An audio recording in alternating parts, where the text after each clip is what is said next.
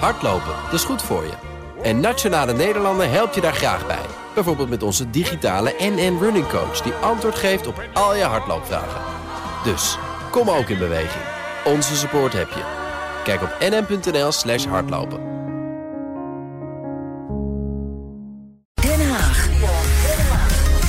De Tweede Kamer die debatteert op dit moment met minister Sigrid Kaag van Financiën over de voorjaarsnota. En in dat document, dat weten we, valt voor het eerst sinds jaren het woord bezuinigen weer. De VVD noemt dat onvermijdelijk. De partij wil miljarden euro's extra bezuinigen om de overheidsuitgaven op orde te krijgen. De linkse partijen willen het geld juist ophalen bij vermogende en winstgevende bedrijven, om zo bezuinigen te voorkomen. Politiek verslaggever Leendert Beekman die volgt dat debat. Goedemiddag. Goedemiddag, Liesbeth. Ja, de Kamer is kritisch op de voorjaarsnota. Wat zijn de belangrijkste punten? Ja, voorjaarsnota is rommelig, ondoorzichtig. Er wordt wel bezuinigd, maar via de kaasschaafmethode, zoals dat dan heet. Dus geen grote bezuinigingen op ja, bij één ministerie bijvoorbeeld, maar overal een klein beetje geld ophalen. Denk aan het afschaffen van het stapbudget of het uitstellen van de gratis kinderopvang. En dan. Uh, ja, zijn er wel meevallers, maar een deel daarvan komt voort uit onderuitputting. En dat betekent eigenlijk dat het er geld overgebleven is, omdat plannen die gemaakt waren niet uitgevoerd zijn.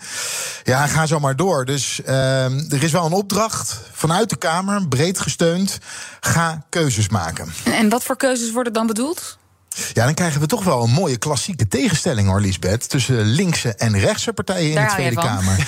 ja, daar hou ik van. Uh, de klassieke tegenstelling. Laten we even naar de VVD toe gaan. Zij zeggen: ga de komende tijd flink bezuinigen. Tweede Kamerlid Ilko Heijnen. We zijn tegen onze grenzen aangelopen. Hoewel onze staatsschuld nog steeds relatief laag is, is ons begrotingstekort veel te hoog. De overheid geeft te veel geld uit. En dus moeten we elders minder uitgeven. Niet omdat dit boekhouders gelukkig maakt maar omdat dit uiteindelijk mensen gelukkig maakt. En dat is echt mijn overtuiging. Gezonde overheidsfinanciën zijn nodig om schokken op te kunnen vangen. Ja, de Raad van State had over de voorjaarsnota gezegd... we rijden te dicht bij de vangrail. Ilko Heijnen van de VVD zei... we rijden al in het gras. He, we rijden in de berm. Uh, hij zegt, de komende jaren hebben we het echt over bezuinigingen... van 10 tot 20 miljard euro. En dan he, per jaar. En dat gaat pijn doen. Uh, en weet u ook wel waar hij dat dan wil uh, halen?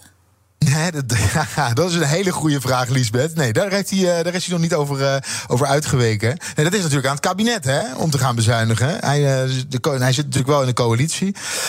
maar concreet aangeven waar dat dan vandaan moet komen, heeft hij niet gezegd. Maar als je over zulke grote bedragen praat, ja, dan kom je bij de grote ministeries uit. En dan kom je toch. Zorg, zorg VWS, sociale dus zaken. sociale ja. zaken. Ik neem ja, daar aan kom dat, dat, snel dat je, als Kamerlid Onderwijs. niet, niet populair maakt om nu alvast te zeggen waar er bezuinigd op moet worden. Nee, precies. Nee. Dus daar moet in de komende jaren natuurlijk naar gekeken worden. Nou, kom daarbij.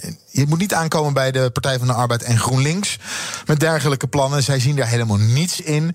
Zij willen juist dat, er, uh, dat het geld opgehaald wordt aan de inkomstenkant. Een fatsoenlijk inkomen voor iedereen zou de belangrijkste opdracht moeten zijn voor deze Kamer en dit kabinet. En aan die opdracht toetst de Partij van de Arbeid de plannen in de voorjaarsnota. Financiële tegenwind dwingt ons en de politiek tot scherpe keuzes. En die keuzes moeten, wat ons betreft, sociaal zijn. Ja, dus niet bezuinigen, maar extra geld ophalen door middel van belastingen. Dit was Adje uh, Kuik, hè? Ja, dat is Adje Kuiken van de Partij van de Arbeid. Door belastingen extra geld op, uh, ophalen. Zij stellen nu voor, ze willen dat het kabinet nu komt... met voorstellen om woekerwinsten te beperken.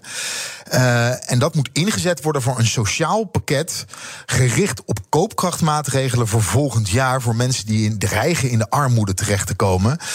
Nou, D66 ziet daar ook wel iets in, maar vindt het voorjaar te vroeg om nu al beslissingen te nemen daarop. We gaan juist voorkomen dat die armoede stijgt. We hebben met een uitgebreid koopkrachtpakket en het in prijsplafond ook, met name Partij van de Arbeidplicht, hebben we wat D60 betreft ook voor volgend jaar. En dat gaan we wat mij betreft gewoon doen. Steven van Weijenberg hoorde je van D66. En hij zegt dat gaan we doen, maar niet in het voorjaar.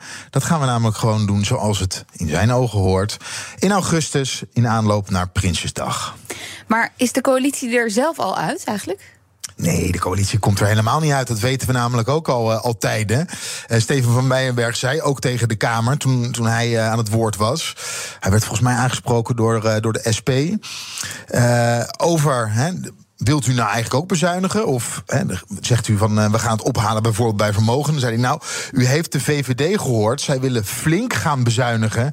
Daar zijn wij niet in meegegaan.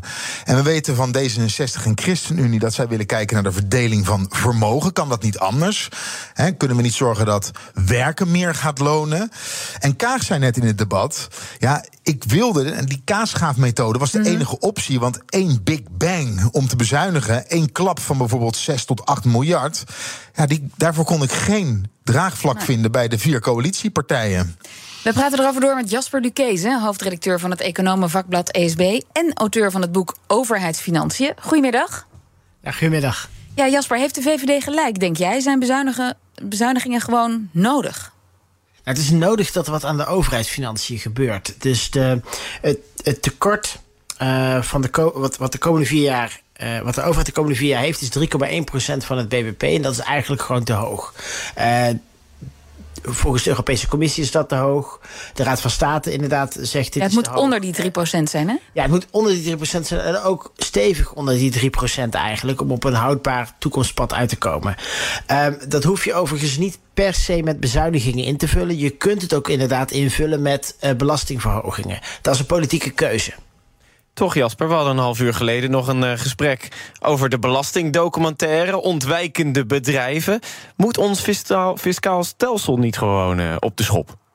Ja, dat, dat moet sowieso. Dus de, er, is, er is van alles mis met het fiscale stelsel. De uh, arbeid wordt, dus werkende wordt iets te zwaar belast.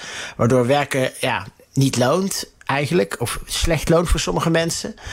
Uh, en tegelijkertijd is er gewoon heel veel vermogen... wat uh, eigenlijk niet zo super productief is. Dus vanuit economisch opzicht zou je zeggen... belast dat vermogen wat meer. Uh, en zorg ook in ieder geval dat het allemaal op een gelijke manier belast wordt. Omdat het best wel mogelijk is om wat te schuiven... tussen verschillende belasting boksen. Dat uh, als je veel vermogen hebt, kun je het op een handige manier inrichten. Dat je nog minder moet betalen. Ja, dat, dat soort dingen, daar kun je wat aan doen. En dan kun je echt ook ja. wel flinke belastingopbrengst mee binnenhalen. En de economie iets ja, efficiënter, uh, beter laten lopen. Dus kortom, jij bent hier de genuanceerde derde. Je vindt dus dat het beide moet en bezuinigen, maar ook dat fiscale stelsel opnieuw bekijken. Nou, het fiscale stelsel opnieuw bekijken sowieso. Uh, dan is, en de overheidsfinanciën moeten ook op orde. Uh, maar je moet niet het fiscale stelsel op orde brengen met als doel om ook de overheidsfinanciën per se op orde te brengen. Mm. Dan moet je even apart naar kijken. En het kan dan zijn dat je ook uh, goede bezuinigingsopties tegenkomt. Oké, okay. Leendert. Lijkt me heel verstandig. Leendert, wil de VVD dan wel naar dat fiscale stelsel ook kijken, los van bezuinigen? Wat heel interessant is, Liesbeth, vorig jaar zomer is er een dik rapport uitgekomen. Het IBO-vermogen, zoals dat heet.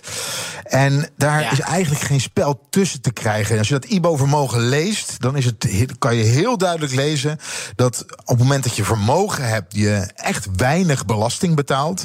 En op het moment dat je gaat werken, en zeker op hoe meer je verdient met werk, hoe hoger die belastingdruk ook gaat worden. Mm. En dat is eigenlijk, zeggen zij, dat moet verschuiven. Dus ook de VVD snapt dat er iets moet gebeuren. Dus het antwoord is ja, maar er zijn wel heel veel. Die ja, maar is wel heel groot. Op zich als basisprincipe eens. Hè? Dus de, economisch is ook zinvoller. En uh, het is denk ik ook. Uh, het doet meer uh, recht aan het rechtvaardigheidsprincipe. Ik denk alleen als je volgens naar de uitwerking kijkt. dat je ook goed moet kijken waar slaat dat dan neer. En ik vind wel dat er erg makkelijk wordt ge, gedacht van verhoog de, de, lasten op vermogen maar. Want als je kijkt waar het vermogen zit in Nederland. zit drie kwart gewoon in pensioenen en in huizen. Tel je daar het spaargeld van de gewone mensen weer op. zit je op zo'n 80 procent. Dat is het vermogen van Nederland. Dan heb je nog een klein deel. Dat zit bij ondernemers die daar een pensioenvoorziening voor hebben. Dus dan heb je het ook weer over pensioen. Dus ik denk dat als je praat over de, de, schuif tussen vermogen en arbeid... dat je heel goed moet kijken waar dat neerslaat. En mijn grote zorg, want dat heb ik ook vaak in debatten aangegeven... dat dit juist neerslaat bij middeninkomens die gewoon een huis en een pensioen hebben... dat we dat zwaarder gaan belasten. En als je dat daar niet laat neerslaan... dan levert het eigenlijk al te weinig op om de last op arbeid te verlichten. En dan, dan, dan lukt het gewoon niet. Dus dat is wel het eerlijke verhaal. Nou ja. Ja, dus dat is het eerlijke verhaal, uh, Liesbeth. Ja, die rekensom is nog lang niet klaar. um, Jasper, die voorjaarsnota waarover gedebatteerd wordt... die gaat over het lopende begrotingsjaar. Maar denk je ook dat het inderdaad beter is om met Prinsjesdag... met nieuwe maatregelen te komen? ik begrijp prima dat de coalitie uh, liever even afwacht en met Prinsjesdag met nieuwe koopkrachtmaatregelen wil komen. Um, ze moeten alleen niet een week voor Prinsjesdag beginnen met die verzinnen. Dat is natuurlijk het afgelopen jaar. Oh ja, Toen, ja. dat weten we nog, ja. Tot uh, ja, de nacht uh, voorafgaand, toch? Ja. Ja, toen kon met Prinsjesdag konden alle financiële Prinsjesdagstukken, de hele miljoenennota, eigenlijk gewoon ongelezen de prullenbak in. Omdat er de, de dag ervoor een heel nieuw pakket werd aangekondigd. Wat zodanig groot was dat die hele begroting overhoop ging. En dat pakket zat ook nog zo slecht in elkaar dat ze uh, dat, dat het kabinet twee maanden bezig is geweest om te bedenken hoe ze dat dan precies zouden willen. Um, ja, je kunt heus, als je nu al voorziet dat het volgend jaar mogelijk is, de ambtenaren nu al aan het werk zetten om gewoon wat scenario's te schetsen en wat opties op tafel te leggen. En dan kun je dat besluit prima nemen in augustus. Maar uh, dat, dat snap ik heel goed, dat je even wil afwachten of het nodig is voordat je ertoe besluit. Ja, maar, maar toch, Jasper, dat stel. Denken is raar. Dan heb je nu die afwachttijd. Dan komt straks alweer het reces, is het vakantie. Ja, daar, daarna is het eigenlijk alweer bijna september en moeten ze met de cijfers komen. Dus zijn ze sowieso al niet te laat dan. Nou, um, je kunt nu natuurlijk gewoon wel plannen maken voor straks, voor het geval dat. En uh, daarbij komt natuurlijk ook dat je uh, die, koopkrachtmaatregelen, die, dat zijn natuurlijk echt noodmaatregelen. Uh, die wil je eigenlijk alleen maar nemen als je denkt dat mensen gewoon bijvoorbeeld onder het bestaansminimum zakken. Daar was dat energieplafond en die energiesteun ook voor. Ja, als dat niet nodig is, dan wil je ze niet nemen. En het is toch, denk ik, lastig om nu te voorzien met zekerheid hoe de energiemarkt bijvoorbeeld uh, komende hm. winter eruit gaat zien.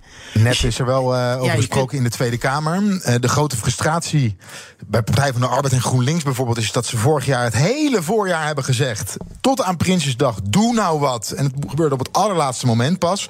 Dus vertrouwen dat het nu goed gaat komen... als je zegt, we doen het in augustus... Uh, is, er, is er eigenlijk niet. Maar Kaag houdt voet bij stuk. Zij zegt nee, we gaan het gewoon in augustus doen.